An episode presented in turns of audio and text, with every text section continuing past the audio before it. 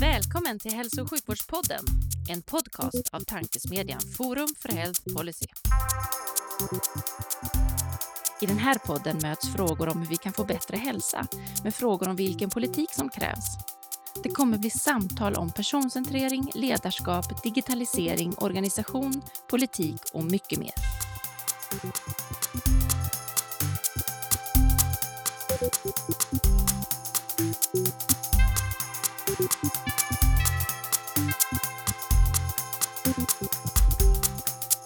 Hej och välkomna till Tankesmedjan Forum för Health Policies initiativ för att sprida goda idéer kring dagens och framtidens hälso och sjukvård och omsorg. Hälso och sjukvårdspodden. Jag heter Magnus Lejelöw och arbetar i vardags för Läkemedelsindustriföreningen men även styrelseledamot i Forum för Health Policy. Livia Holm sitter som vanligt vid min sida. Precis, och jag är fortfarande policychef på Kry till vardags men även jag styrelseledamot i Forum för Health Policy. Och idag gästas jag också av en apotekare med järnkoll på systemen både i Sverige och Europa, men också en trevlig rackare. Varmt välkommen Niklas Hedberg.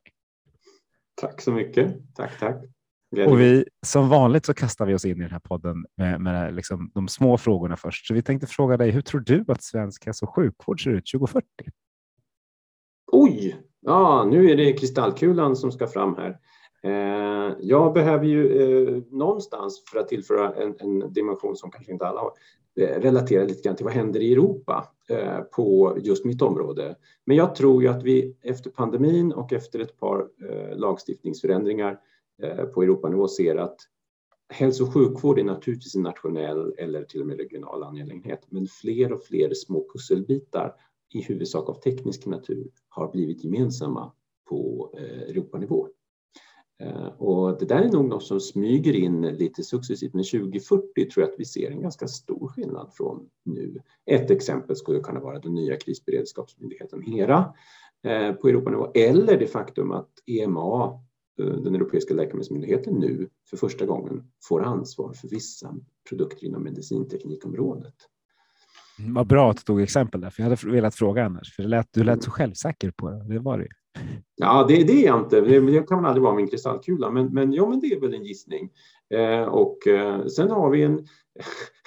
när, man gick i, när man gick i grundskolan eh, och gymnasiet så, så läste vi om frihetsrörelser och enhetsrörelser. Jag tror att vi kommer att se mycket av det vad det gäller hälso och sjukvård i Sverige och i Europa. Vissa som drar mot centralisering och andra som drar mot regionalisering. Vissa som drar mot centralisering i Europa och andra som drar mot nationalisering. Eh, och det är jättesvårt att förutsäga vem som kommer att dra starkast och exakt vilka trådar de kommer att dra i. Men, men eh, kanske inte att vi har sett några revolutioner, men snarare en evolution. Det. det beror lite på det politiska landskapet, men i alla fall i EU så tror jag mer på en evolution. Hur tror du att den eh, kampen kommer att utspela sig i Sverige då, med regionalisering och centralisering? Det vet inte jag. Det är ju dels inte så tydligt kopplat till, till läkemedelsfrågor och, och sådär, men, men eh, regionerna är ju fortfarande väldigt starka i Sverige. Det är väl så. Och, och som de säger när de, när de ska skämta lite, det är väldigt få som röstar på att avskaffa sig själva. Och någonstans så krävs det ju det. Jag, jag tycker att vi har sett att riksdagen har tidigare tagit ställning till att man vill inte avskaffa regionerna över regionernas huvud. Mm. Eh, men hur det kommer att gå, det har jag ingen aning Sen vet ju alla att, att det finns olika politiska partier som har lite olika agenda här. Men, men ja. Mm, absolut. Då tar vi eh, fråga nummer två i vår faktaruta då istället och den handlar om andra hälso och sjukvårdssystem i världen och vad de gör för bra grejer. Eh, vad skulle du vilja sno från andra system för att förbättra den svenska hälso och sjukvården och varför? Inom det område som jag jobbar med, eh, utvärdering och pris och subvention av läkemedel, så finns det fortfarande jättemycket att lära av eh, Kanada. Vi har ju varit vana vid att lära oss mycket av eh, eh, NICE i Storbritannien och det är absolut inte fel. Men, men Kanada är spännande för att de också har en hälso och sjukvård där ansvaret ligger på provinserna. Eh, lite större och lite annan legal struktur än våra regioner, men det är fortfarande så att det är en central eh, instans som utvärderar och, och som kommer med kunskap och som tar ställning eh, med ett nämndförfarande som påminner om vårt och så. Och sen så ska det bli verkstad ute i provinserna. Så jag tror att det finns jättemycket att vinna på att närma sig Kanada. Vad gör de bättre och sämre än oss idag? Är din bild? Ja, det, det finns säkert nyanser där som är både bättre och sämre Eh, hos dem. De har, de har en instans till ovanpå som, som eh, sätter ett pristak. Det vet jag inte om vi ska ha, men de har det i alla fall. Eh, och där kommer deras referensprissättning in internationellt. De har en större nämnd med fler professionsgrupper. Patientföreträdare har ju vi också i Sverige, men de har också lekmän som är där inte för att de är patienter utan för att de representerar allmänheten. Jag träffade en av dem i något tillfälle. Han sa, nej jag är inte patient, jag är engelsklärare. Och det, är därför, det var därför han var med i deras nämnd, för att, att ge verkligen det perspektivet. Så, men, men och jag kan inte säga vilket som, som skulle uh, ge det absolut bästa resultatet, men att lära varandra i ett bra samtal är väldigt Skönt att man inte kan vara både patient och engelsklärare. Men... Jo, jo, jo det, det, kan, det, finns ingenting som utesluter det ena och det andra. Men, men den rollen i deras system, ja. de hade patienter i sin beslutande nämnd, men de hade också allmänhetens representanter som inte var där för, för patientperspektivet utan för allmänhetens. Mm. Som ett exempel. Ja, bra exempel. Är det något annat land du skulle vilja lyfta? Ja, men jag har ju redan eh, nämnt eh, Storbritannien. Storbritannien och då där, eh, där har man ju en bra eh, process tror jag från eh, Eh, forskning från läkemedelsföretag eh, över godkännande process, även om de inte är en del av EMA-processen i EU längre. Eh, utvärdering och sen en väldigt stark köpare i NHS där de ju har det centraliserat. Och, ja, men det, det, kan man väl också lära sig mycket Men återigen, Storbritannien tror jag har varit ett studieexempel för mycket av det vi har gjort och lärt oss på HTA-området och pris och subventionsområdet. Ja, jag, jag, jag, tror att det är, det är nog de jag vill lyfta fram. Och som ni lyssnare märker så är vi inne på min, min, mitt nörd hemmaområde just nu. Så vi, Livia, du får jobba med att få upp mig och Niklas till ytan om det är så att vi gräver ner oss i detaljer till och från. Ja, jag ser fram emot att lyssna och lära på ert nörderi i det här området. Jag tar vidare till eh, ett område som jag eh, tycker alltid är eh, spännande att fråga om och det är ju de förutsättningarna som finns för att eh, utveckla den svenska hälso och sjukvården. Och nu så börjar vi röra oss mot ett val. Eh, och då vill vi fråga eh, er som besöker oss här i podden eh, om du fick skriva valmanifesten inför valet 2022. Helt eh, parti eh, politiskt oberoende självklart. Eh, vilka frågor skulle du då vilja lägga in för att styra eh, mot den hälso och sjukvård som du skulle vilja se inom ditt specifika område då kanske, eller någonting annat eh, i Sverige? Vad skulle du vilja att man lyfte och mm. arbetade tydligare med? Det är en viktig, spännande fråga. Eh, eh, och jag får svara helt och hållet som privatperson. Jag kan inte svara som myndighetsperson på en, på en politisk fråga förstås, men men eh, jag tycker att det vore värdefullt om vi fick en ny parlamentarisk prioriteringsutredning till stånd. Och den kanske inte behöver vara helt, alltså den, den, måste nog vara parlamentarisk i den betydelsen att alla politiska partierna måste vara representerade, men sen ska det kanske också vara eh, eh, specialister med eh, från, från de här, den här breda gruppen av professioner, eh, patienter, samhällsföreträdare, som, som jag var inne på nyss när jag refererade till Kanada. Jag eh, tror att det finns behov av ett omtag. Det, det som gjordes 1997 eh, behöver nog anpassas utifrån eh, hur vi ser på det här idag. Jag tror inte minst eh, själv att, att pandemin har gett oss en annan dimension till det här att se på hur vi ställer olika aspekter av hälsa mot varandra, får jag säga så. Det går inte att tvärsäkert säga vad som var rätt, hårda restriktioner eller lätta restriktioner, för vi har infektionsrelaterad ohälsa och död, men vi har också icke infektionsrelaterad, kanske psykisk social ohälsa och död. Och, och hur ska man balansera dem? Bara det, det, det, faktum att vi pratar om dem, den balansvågen, de svåra avvägningarna gör att jag ser att TLVs svåra jobb och svåra balans och avvägningar har fått eh, en annan klangbotten. Och jag hoppas att det kommer att visa sig framöver. Absolut. Har ni diskuterat det mycket nu under sista året? Eller? För det är en bra reflektion av det som privatperson. Hur, hur tänker man på, eller går det att svara det? Eh, Nej, det tror, jag, det, tror jag inte, det tror jag inte man kan. Alltså, jag, jag kan inte svara på, på det, men, men det, det, är väl en reflektion. Det är säkert andra som har gjort, gjort samma. En annan reflektion är ju det här om, om beslutsfattande ska vara på expertnivå eller på politisk nivå. Men, mm. men för oss är det en annan eh, Alltså, vi har en lagstiftning som ska tillämpas och då säger ju vår förvaltningstradition att, att då ska det vara myndighetsbeslut där.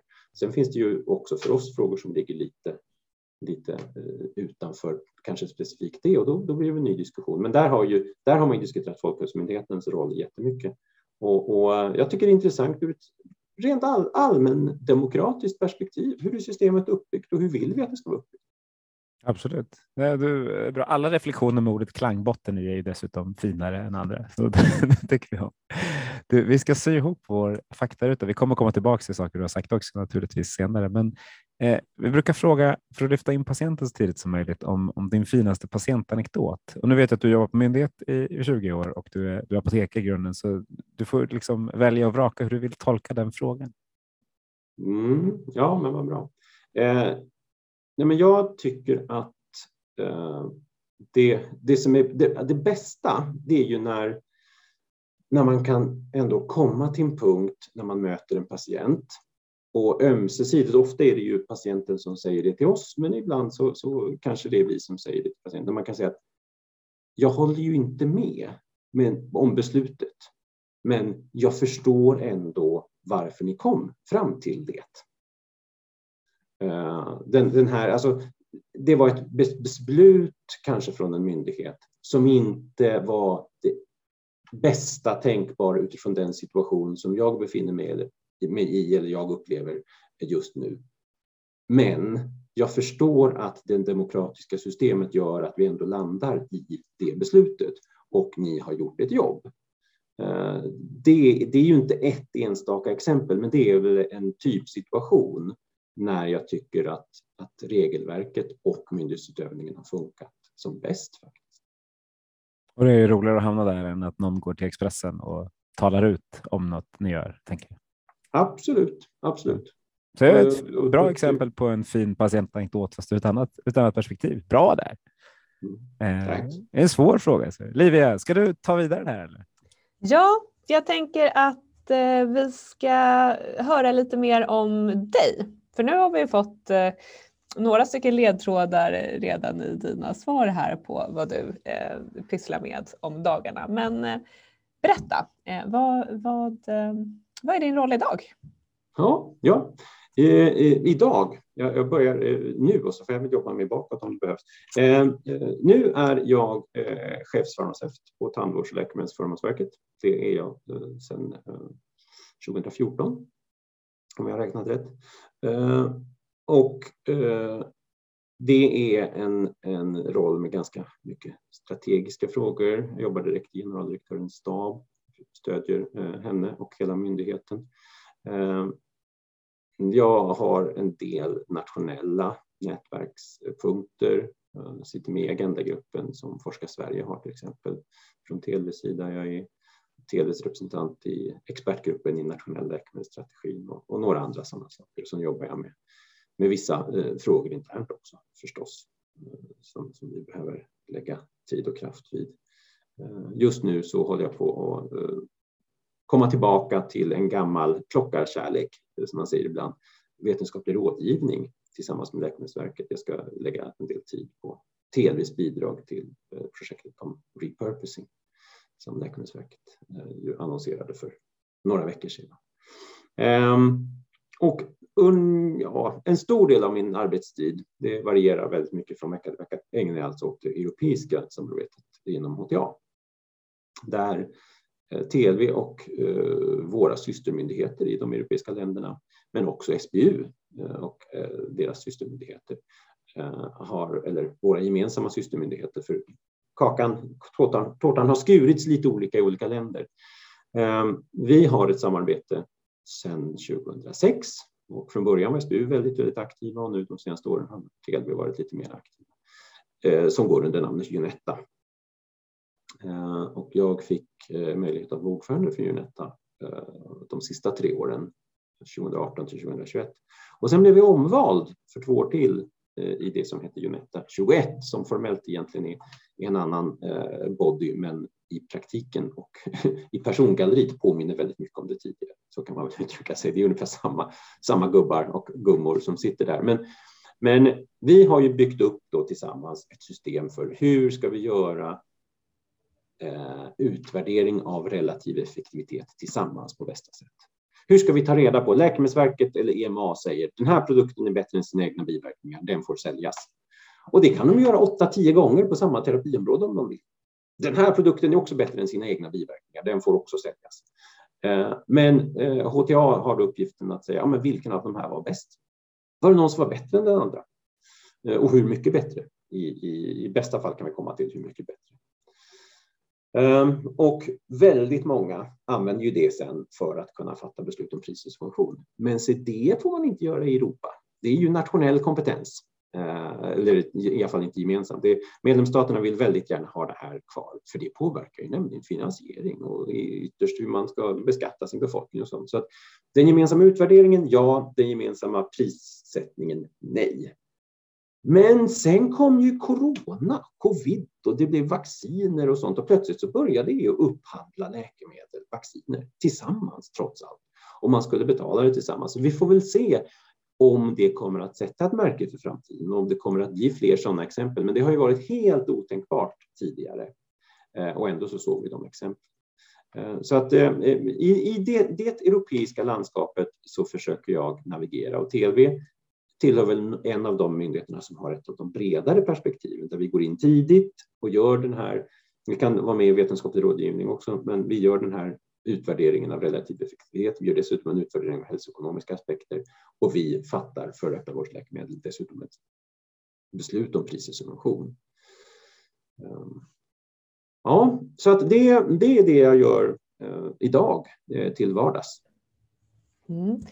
Många stora områden. Hur, hur får man jobba med sånt? Vad har du gjort tidigare? Vad har jag gjort tidigare? Ja, men nu jobbar vi oss bakåt. Då. Jag, eh, som Magnus sa, jag är apotekare Eh, från början. Någon har sagt att så kan man inte säga om en utbildning, men jag, jag läste apotekarutbildningen eh, på 90-talet. Eh, sen på, på toppen jag, eller i botten? Det är det som är frågan. Ja, jaha, ja, ja, apotekare i botten får man inte säga. Eh, nej, men eh, från början. Eh, och efter en väldigt, tycker jag, bra praktik så, så kunde jag mycket väl tänka mig att jobba kvar på apotek. Men eh, valde sedan att eh, pröva mina vingar i läkemedelsindustrin ett par år. Ibland så brukar jag väsa i mungipan att jag var med och lanserade vi också i Sverige, men lova inte berätta det för någon. För det skulle kunna vara en, en konflikt av intresse. Nej, det är ju 20 år sedan nu. Så, men det, gjorde jag. Jag, jag eh, provade läkemedelsindustrin ett tag och sen så sökte jag mig till Prismyndigheten som då var Riksförsäkringsverket. Och det var nog ett av livets bananskal. Jag hittade annonsen i en branschtidning och skickade in ansökan sista dagen. Det är väl som det brukar vara. Eh, och eh, är kvar. Myndigheten har bytt namn två gånger. Först, Riksförsäkringsverket blev ju omstöpt, eller så att säga, den verksamheten lyftes ur RFV och bildades i, omstöpt i en ny myndighet som heter Läkemedelsförmånsnämnden. Och sen när vi fick tandvårdsfrågorna så blev det Tandvårds och läkemedelsförmånsverket. Jag var eh, utredare och handläggare i sju, åtta år och sen avdelningschef på avdelningen för nya läkemedel eh, i fem år. Och den avdelningen finns inte kvar. Vi har, vi har strukturerat om. Så det, det är så jag har lärt mig det här. Jag har eh, jobbat med ganska många utredningar förstås som ärenden.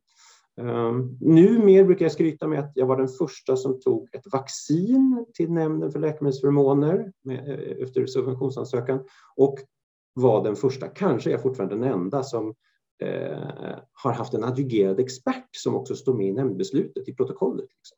Och den experten var ju Anders Tegnell då förstås, eftersom det gällde ett vaccin. Eh, men det är, det är väl 15 år sedan, tror jag. Eh, och sedan som avdelningschef så började jag redan där ganska tidigt jobba en hel del med internationella utblickar, inte minst i den nationella piloten kring gemensam vetenskaplig rådgivning som TLV hade med Läkemedelsverket, för den fick väldigt stort internationellt genomslag. Vi var väldigt tidiga där Rådgivning är ju sen något som har kommit på, på ganska många släppar, men vi var väldigt snabba och tidiga med den gemensamma vetenskapliga. Så där började också det internationella. Mm. Vi brukar också fråga, du har ju en bred palett av olika saker, men vad är, det, vad är det roligaste du gör och vad är det mest utmanande i din roll idag?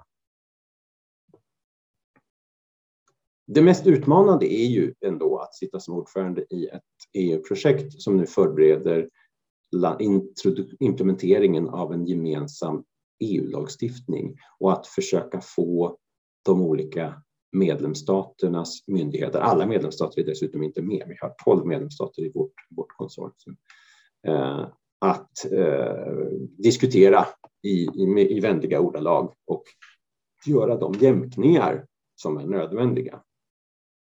Eh, ganska ofta så är det ju de större medlemsländerna som har eh, en fastare, mer fastlåst position och kanske lite längre ifrån varandra. Så de, de medelstora, de små är kanske inte riktigt med, men de medelstora medlemsländerna brukar ofta ha en uppfattning som ligger någonstans mitt emellan de större och då är det lättare för oss att jämka och hitta en lösning, vara med på en lösning som, som passar.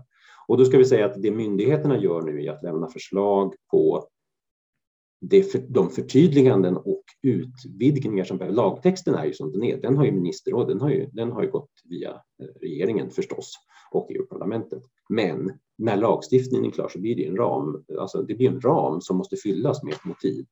Och det är det förberedelsearbetet som nu sker i Uneta 21 på EU-kommissionens uppdrag med nominering från, från medlemsländerna. Och du, du sa också att pandemin har ju liksom förändrat en massa. Vi brukar eh, fråga vad, som, eh, vad du har lärt dig av pandemin, men jag tänkte fråga vad, vad tror du att pandemin kommer att ge? Du sa att det kanske kommer att ge, påverkan på hur vi jobbar tillsammans inom Europa. Hur, eh, på, liksom, kan du inte utveckla det lite? Det här, det här, det blir en spekulation, men nu har vi ju sett. Vi jobbar mest med spekulationer här. Ja, det... Nu har vi ju sett att, att när det väl liksom brände till då, då gav man upp det nationella beslutfattandet över alla aspekter av hälso och sjukvård. Visserligen i en begränsad, liksom en begränsad sektor med, med vaccin, eh, vaccinupphandlingarna, men ändå, det var, det var på något sätt den första sprickan i den där eh, fasaden.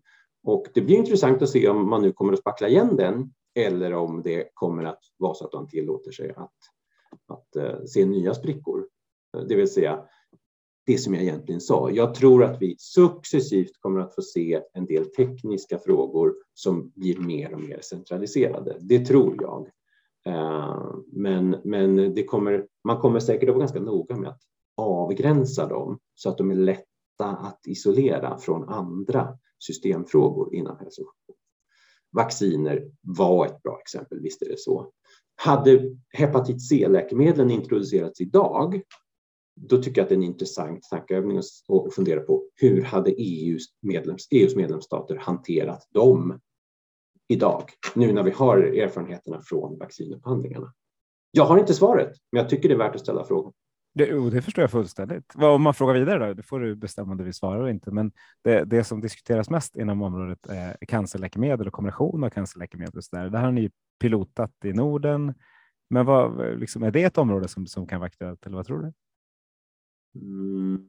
Ja, det vi har pilotat inom, jag gissar att du refererar till FinOC-samarbetet, det är ju gemensam utvärdering. Mm.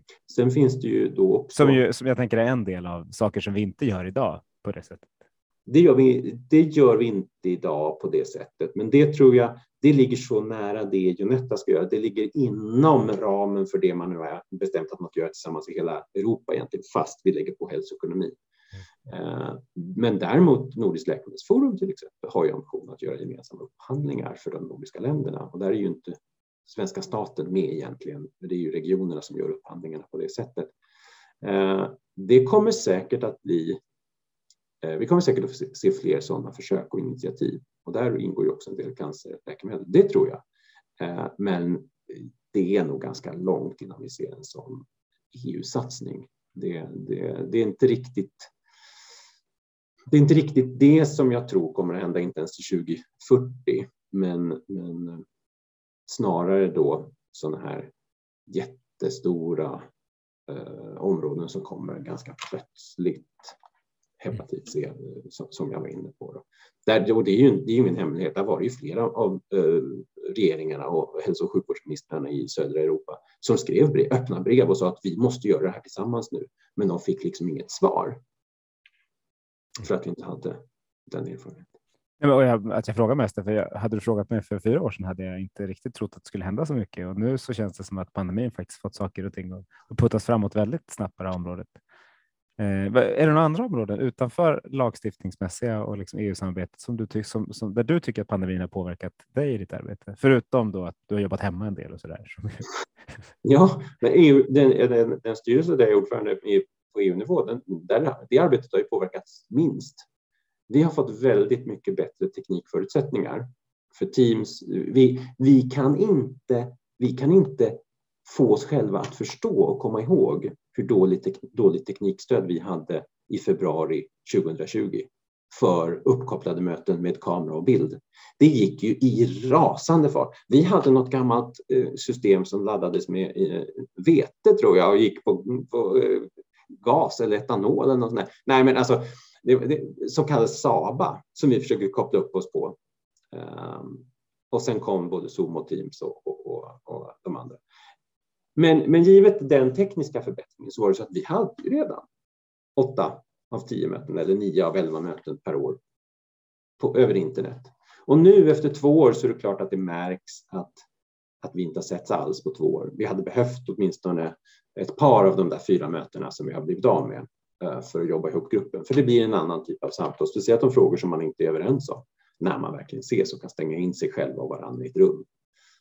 Men det tror jag att det, det är väl något som väldigt många har upplevt. Men det intressanta, det jag inte hade riktigt kunnat säga var ju att efter ett år så noterade jag som sagt att skillnaden var minst i det internationella samarbetet, för vi hade redan tagit, tagit många av de steg.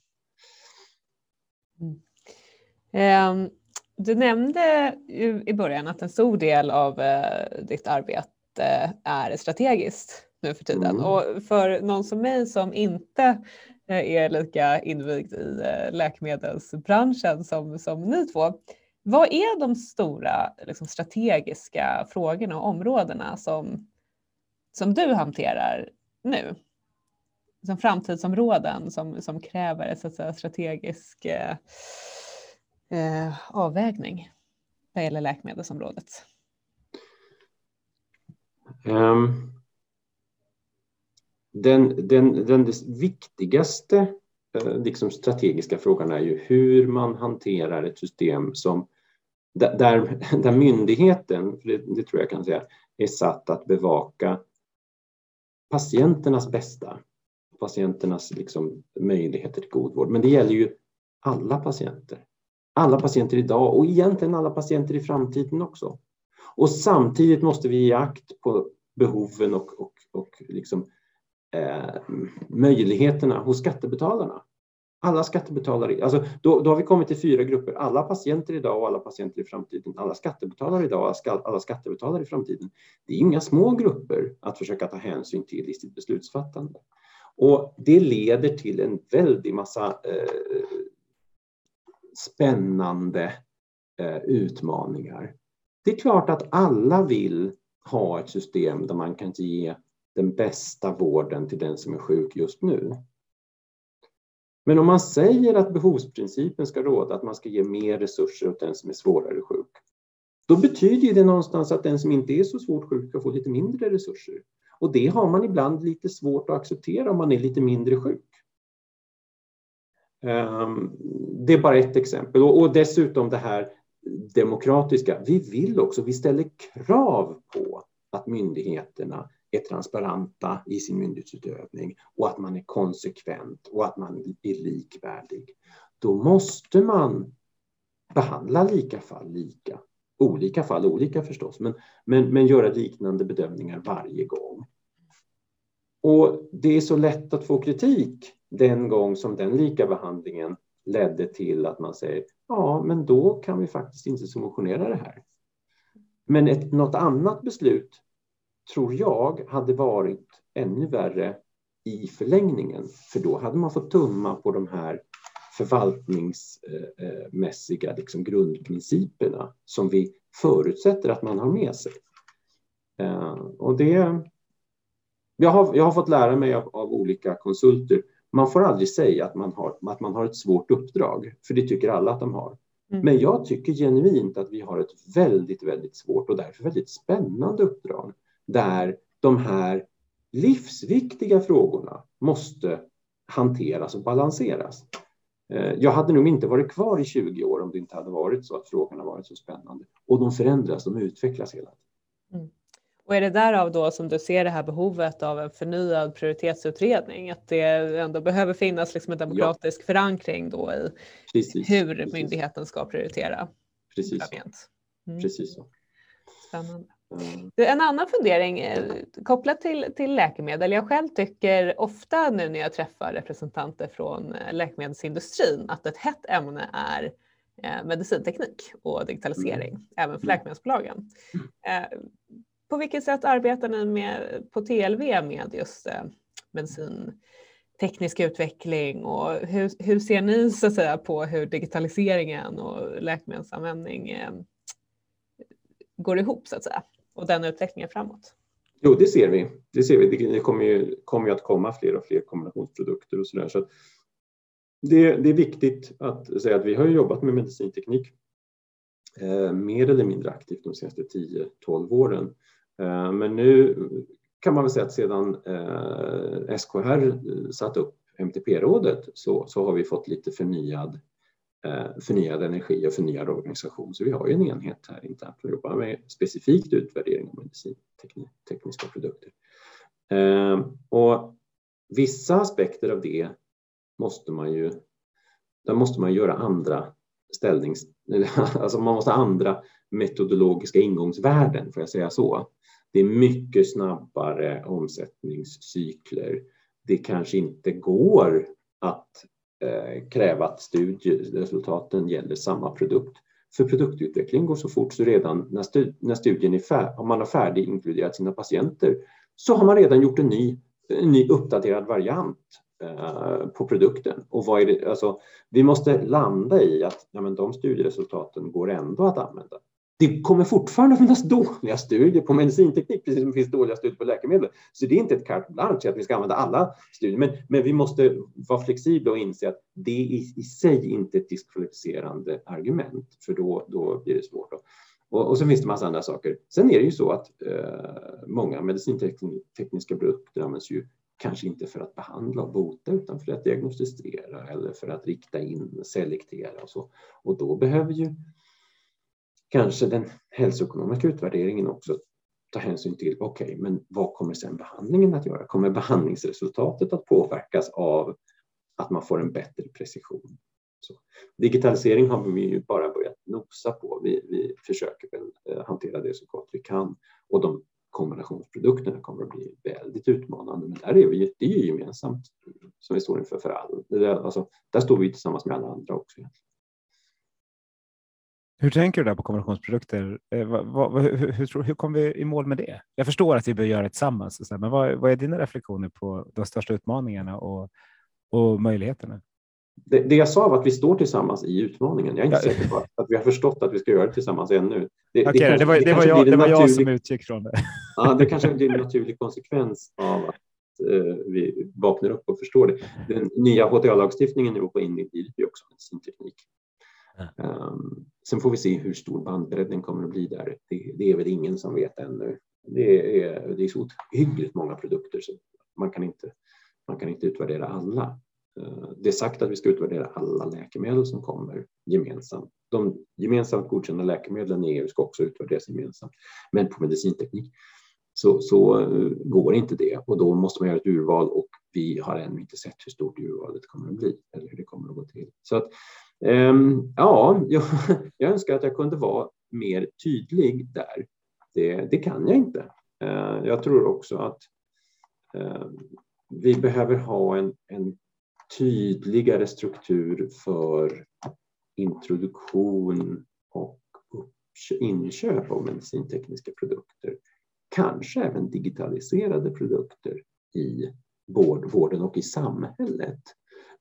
För det är naturligtvis så att en digitaliserad produkt som kommer i form av en app som vem som helst kan ladda ner men någon annan ska betala.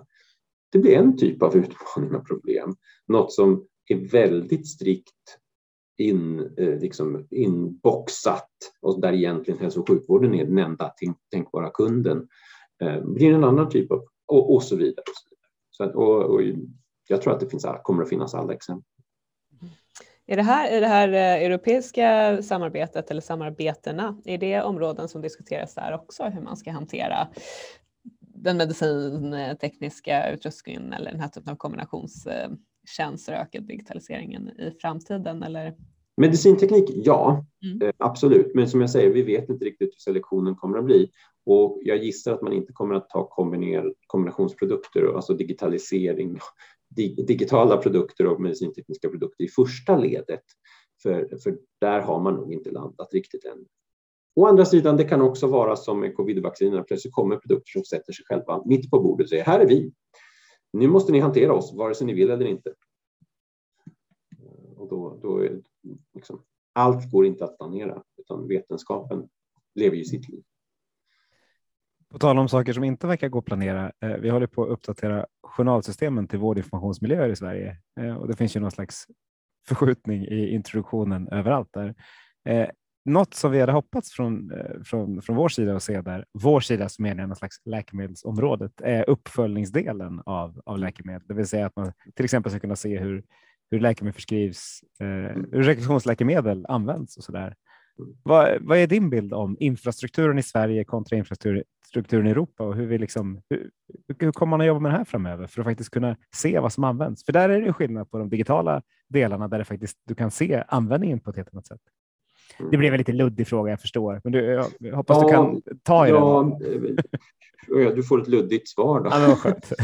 Eh, och det är så svårt att veta och det är svårt, så svårt att säga. Men vi ser att länderna har lite ord. Det är ju ingen som har hittat the silver eller golden bullet här och ingen som har löst det.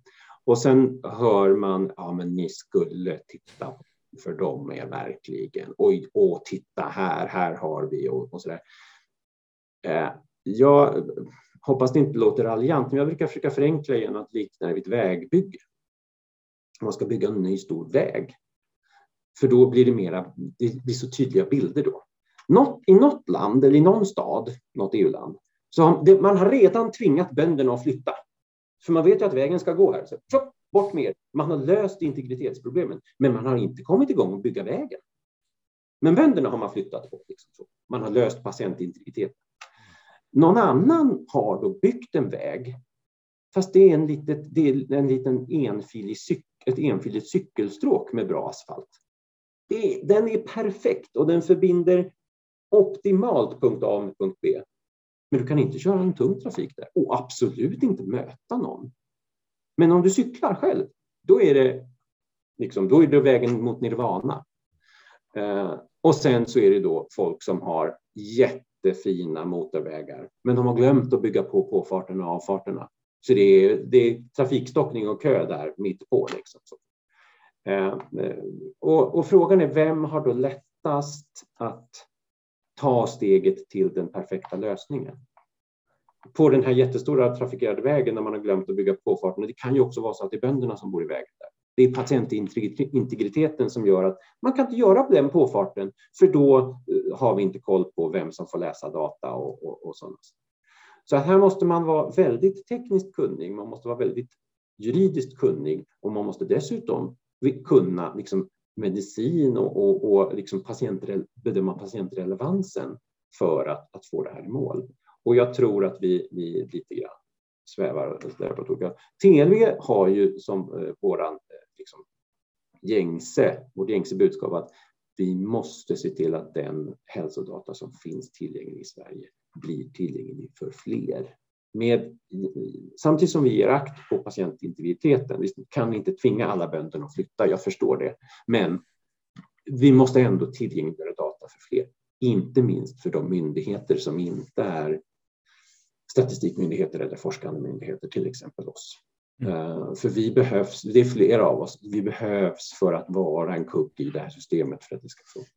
Och sen är det också så att vi tror att man behöver bygga ut de nationella hälsodataregistren mer det är en väldigt bra resurs eftersom de inte är det finns egentligen ingen opt-out. De innehåller inte så detaljerade data eh, alla gånger, men alla ingår, alla är med. Eh, och kan vi bygga på dem, patientregistret till exempel, så är nog väldigt mycket vunnet. Jag håller med. Det är en lösning med det vi har idag som faktiskt man skulle kunna göra mycket mer av. Eh, om man tänker, det finns, finns ju teknisk utveckling också som skulle som, som många tittar på, blockkedjeteknik eller federerad data eller så, som kanske då är de där påfarterna som du kan flytta beroende på var bönderna bor mm. Mm. på din stora motorväg. Vad, mm. Där finns ett stort motstånd i min upplevelse från, från hela systemet som säger nej, nej, men vi vågar inte låta någon ny teknik vara med och titta på data trots att det liksom rent tekniskt verkar, verkar möjligt. Jag säger inte att det är lösningen, för jag är, jag är en enkel apotekare i det här sammanhanget, så jag, jag kan mest försöka gissa, men det, det, det vore intressant att höra din bild av det. Jag går egentligen också ut på lite djupt vatten här, men, men en, annan, en annan diskussion i det här området med uppföljningsdata som, som vi måste hantera, det är eh, liksom, hur vet vi att det är sant om det inte är bevisat? Och vilka evidenskrav ställer vi på icke-randomiserade eller icke-prospektiva data? Eh, vad, vad, vad är det för metoder som vi tillåter oss att använda? Jag vet inte om det är svaret på din fråga, men jag tror att när det gäller AI och algoritmstyrning så är det många som säger vi vet inte om vi kan lita på det. Det överensstämmer inte med de evidens som vi har varit vana vid.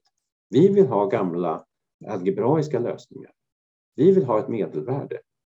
Eh, nu blev det plötsligt eh, individdata här. Vad, vad, vad, vad, finns det för prognostiskt värde i det? Eh, så att jag, jag tror att, att det är en, en ganska omfattande metodutveckling som behövs. Jag säger gärna det igen, jag har sagt det, sagt tidigare ganska många gånger.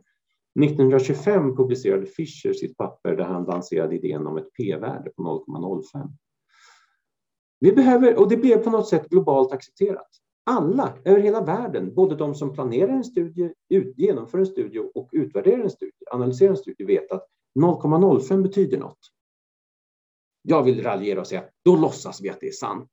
Vi vet att det inte är sant, men då låtsas vi att det är sant, för annars blir världen lite för svår att hantera.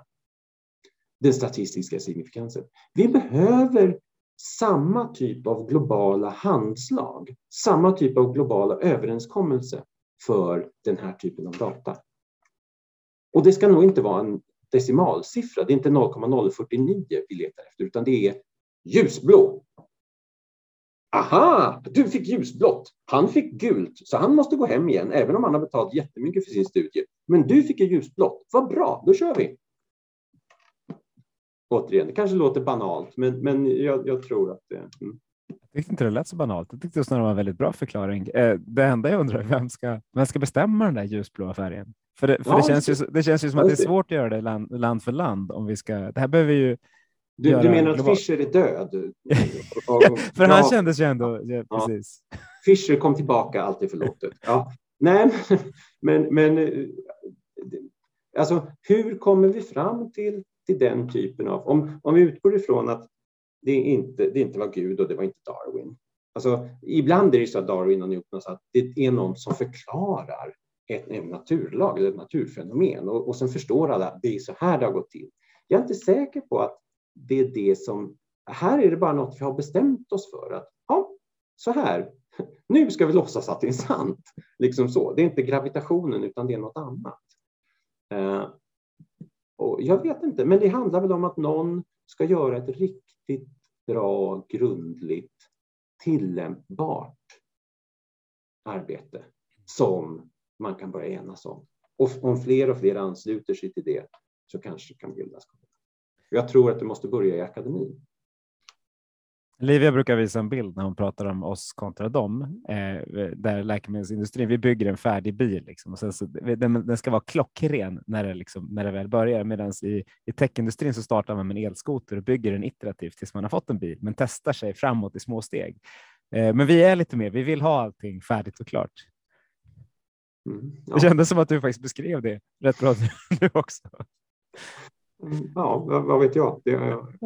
Nej, men du var inne på det lite grann också. Jag tänker det med, med utmaningen just när så att säga, traditionen eh, läkemedelsutveckling och liksom, digital produktutveckling kommer samman. För det är lite olika kanske just kultur och tradition kring hur man utvecklar produkter och hur de ska utvärderas och byggas eh, framåt så att säga. I just digital produktutveckling så är det ju som du sa att när man väl har hunnit göra en studie på en version av produkten då kanske den har hunnit mm. komma med fem nya versioner. Mm. Och är det då applicerbart och vilka delar är applicerbara och inte och, och sådär. Så det, det kommer ju med liksom ytterligare ett lager komplexitet när man eh, ska gifta samman dessa två eh, världar Tänker jag. Absolut, ja. Mm. Det, går inte att säga, det går inte att säga emot. Eh, mm. Så, så är det ju. Och sen kanske vi så småningom inser att den väldigt komplexa produkten dessutom ska användas i kombination med något annat. Mm. Precis så. Bästa resultat. Mm. Men det, ja, nej, jag, jag, jag, kan inte, där kan jag faktiskt inte göra någon, någon, någon bättre liksom, utläggning för att det, ja, det är nog precis sant. Eh, eh, en sån fundering som jag har eh, och som vi kommer upp i varje podd så diskuterar vi prevention på ett eller annat sätt. Prevention som ju liksom oftast är delen innan hälso och sjukvård. Eh, eller hur man vill definiera det där, men liksom innan, hur du tar dig och gör saker och ting som gör att du inte får, får läkemedel. Vad tycker du om systemet och hur tycker du, tycker du att vi ska väva in prevention i hälso och sjukvården på ett eller annat vis? Eh, och hur i så fall, ur ditt perspektiv? Självklart. Och det är naturligtvis så att i alla avseenden, oavsett om man, om man pratar eh, kriminalvård eller hälso och sjukvård, det är bättre att jobba förebyggande eh, än att jobba eh, läkande eller botande eller, eller åtgärdande förstås. Men samtidigt så är det ju det här, vi vet alla att vi ska avstå från att dricka och röka och att vi ska eh, springa och, och eh, sova mycket på nätterna och så. Och samtidigt är det väl, det är väl någon, inte någon film eller sånt där som någon konstaterar. Det finns två sorters människor, de som tycker om att springa och de som tycker om att äta tårta det var så tråkigt att jag blev en av dem som tyckte om att äta tårta. Alltså, jag vet, jag är likadan. Ja, många av oss, jag, jag, jag, kanske inte är något jättetydligt exempel själv, men många av oss är ju ändå den som trivs bättre med att äta tårta. Och samtidigt så vet vi hur viktigt det här är med prevention. Det är tur att det finns bra studier för både rödvin och choklad och ja, men, men får jag komma tillbaka till, alltså det här är ju, det här är väl en del av min egen fundering då kring det här med prioriteringsutredningen. För där ville man ju verkligen lyfta det här med prevention och säga hur viktigt det är. Så man gav det till och med en högre prioritet än vissa åtgärder, alltså vissa behandlingar. Eh, för att preventionen inte skulle glömmas bort. Och när jag ser mig omkring så upplever jag ändå inte att det har blivit så. Jag, jag tycker inte att jag, när jag tittar på hälso och sjukvården eller på den allmänna debatten, att det har blivit så. Eh, vi har haft 25 år på oss nu.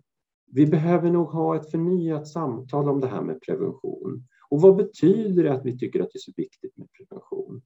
Ska vi, ska vi ha, liksom, ska vi då, väldigt konkret, ska vi ta pengar från cancervården för att ge bättre information om rökavvänjning? Är det det vi menar? Jag tror inte att det är det vi menar. Men liksom, det, må, det måste bli lite stuns i diskussionen för att det ska ändra sig. Och jag, jag, jag, kan hålla med alla som uttalar sig om prevention och vikten av prevention. Det är ingen som har fel, men det är heller ingen som riktigt når fram. Eller är det det? Alltså, ser ni några exempel? Nej, jag tycker att det är så, så jag tycker att det där är väldigt eh, relevant reflektion just det kring eh, så att säga. Det, det, är lätt att prioritera upp saker men svårare att prioritera ner saker i det offentliga samtalet. Det är väldigt lätt att säga att prevention är prioriterat och eh, liksom, cancervården är prioriterad och eh, astma KOL-vården är prioriterad och liksom allt är prioriterat. Men det är väldigt svårt att säga att det ena är mycket mer prioriterat eh, än det andra och vad innebär det rent praktiskt vad gäller finansiering, resurssättning och så vidare. Så det, mm. för, för mig är det nog snarare att det finns ett antal aktörer som jobbar med det som vi inte skjutsar patienter till innan de är patienter. Det vill säga vi, vi, vi har ett reageringssystem som börjar på vårdcentralen och inte börjar på Friskis Svettis Svika eller apoteket. Vi borde liksom vidga scopet i hur vi skickar in patienter i systemet. Sen håller jag med dig. Ska jag välja mellan en cancerpatient och, och en, prevention, en patient vad prevention och pengar, då är det inte så jättesvårt alls att välja. Men skulle jag få välja att inkludera fler aktörer, skulle liksom, eh, blodomloppet vara en del av svensk hälso och sjukvård? Eh, ja, men det vore kanske jättebra. Mm. Så det är nog snarare, jag tycker man kan vända på frågan. Ja, ja, absolut. Jag är tillbaka till, jag säger inte att någon har gjort fel. Och, alltså, så. Men, men jag, jag, jag, bara konstaterar att det som är så rätt som de säger händer ju inte. Nej. Och då är det ju systemet. Jag, jag liksom, eh, ja, men då kanske det är så att man inte... Jag hatar alla. Alltså, Nej, men då kanske man inte är så. Det är inte någon enskild, enskild eh, debattör eller utre, uträttare som jag vänder mig mot. Det är samhället. Ja. Som, som Hela systemet. Ja, men det är bra. Och det är, väl, det är väl precis som att eh, ingen region vill avskaffa sitt eget jobb. Eh, så, så vill väl heller ingen av oss avskaffa möjligheten att ta ett glas rödvin en fredag heller. Så det finns ju, det finns ju många delar i det där. Vi, vi, är dock väldigt måna om hälsan. Vi är måna om folkhälsan och de som lyssnar på den här podden har nu varit ute och vandrat i 53 minuter ungefär. Eh, och det, då, liksom, då vill vi fundera på om, man ska, om en timme är ganska lagom. Eh, Niklas, när du kom in i det här digitala rummet, var, var det något du hade velat säga som du känner att ja, men det här har inte Livia och Magnus pratat om alls? Nej, jag har fått prata så mycket. Eh, nej, jag tycker det har varit ett eh, trevligt samtal. Kul, det tycker vi också eh, naturligtvis och jag är helt övertygad om att lyssnarna också gjort det. För det är kul att få både liksom, djup och bredd i samtalen och det har vi verkligen fått nu. Nu har vi fått både liksom, allt från EU till Sverige till reflektioner om prevention och annat. Eh, jättekul att ha dig med Niklas eh, och Tack Livia som vanligt för att, för att du sitter med och, och för bra resonemang och tack alla ni som har lyssnat på Forum för Health Policies hälso och sjukvårdspodd. Nu går vi ut och förändrar eh, svensk hälso och sjukvård till det bättre tillsammans. Tack så mycket allihopa.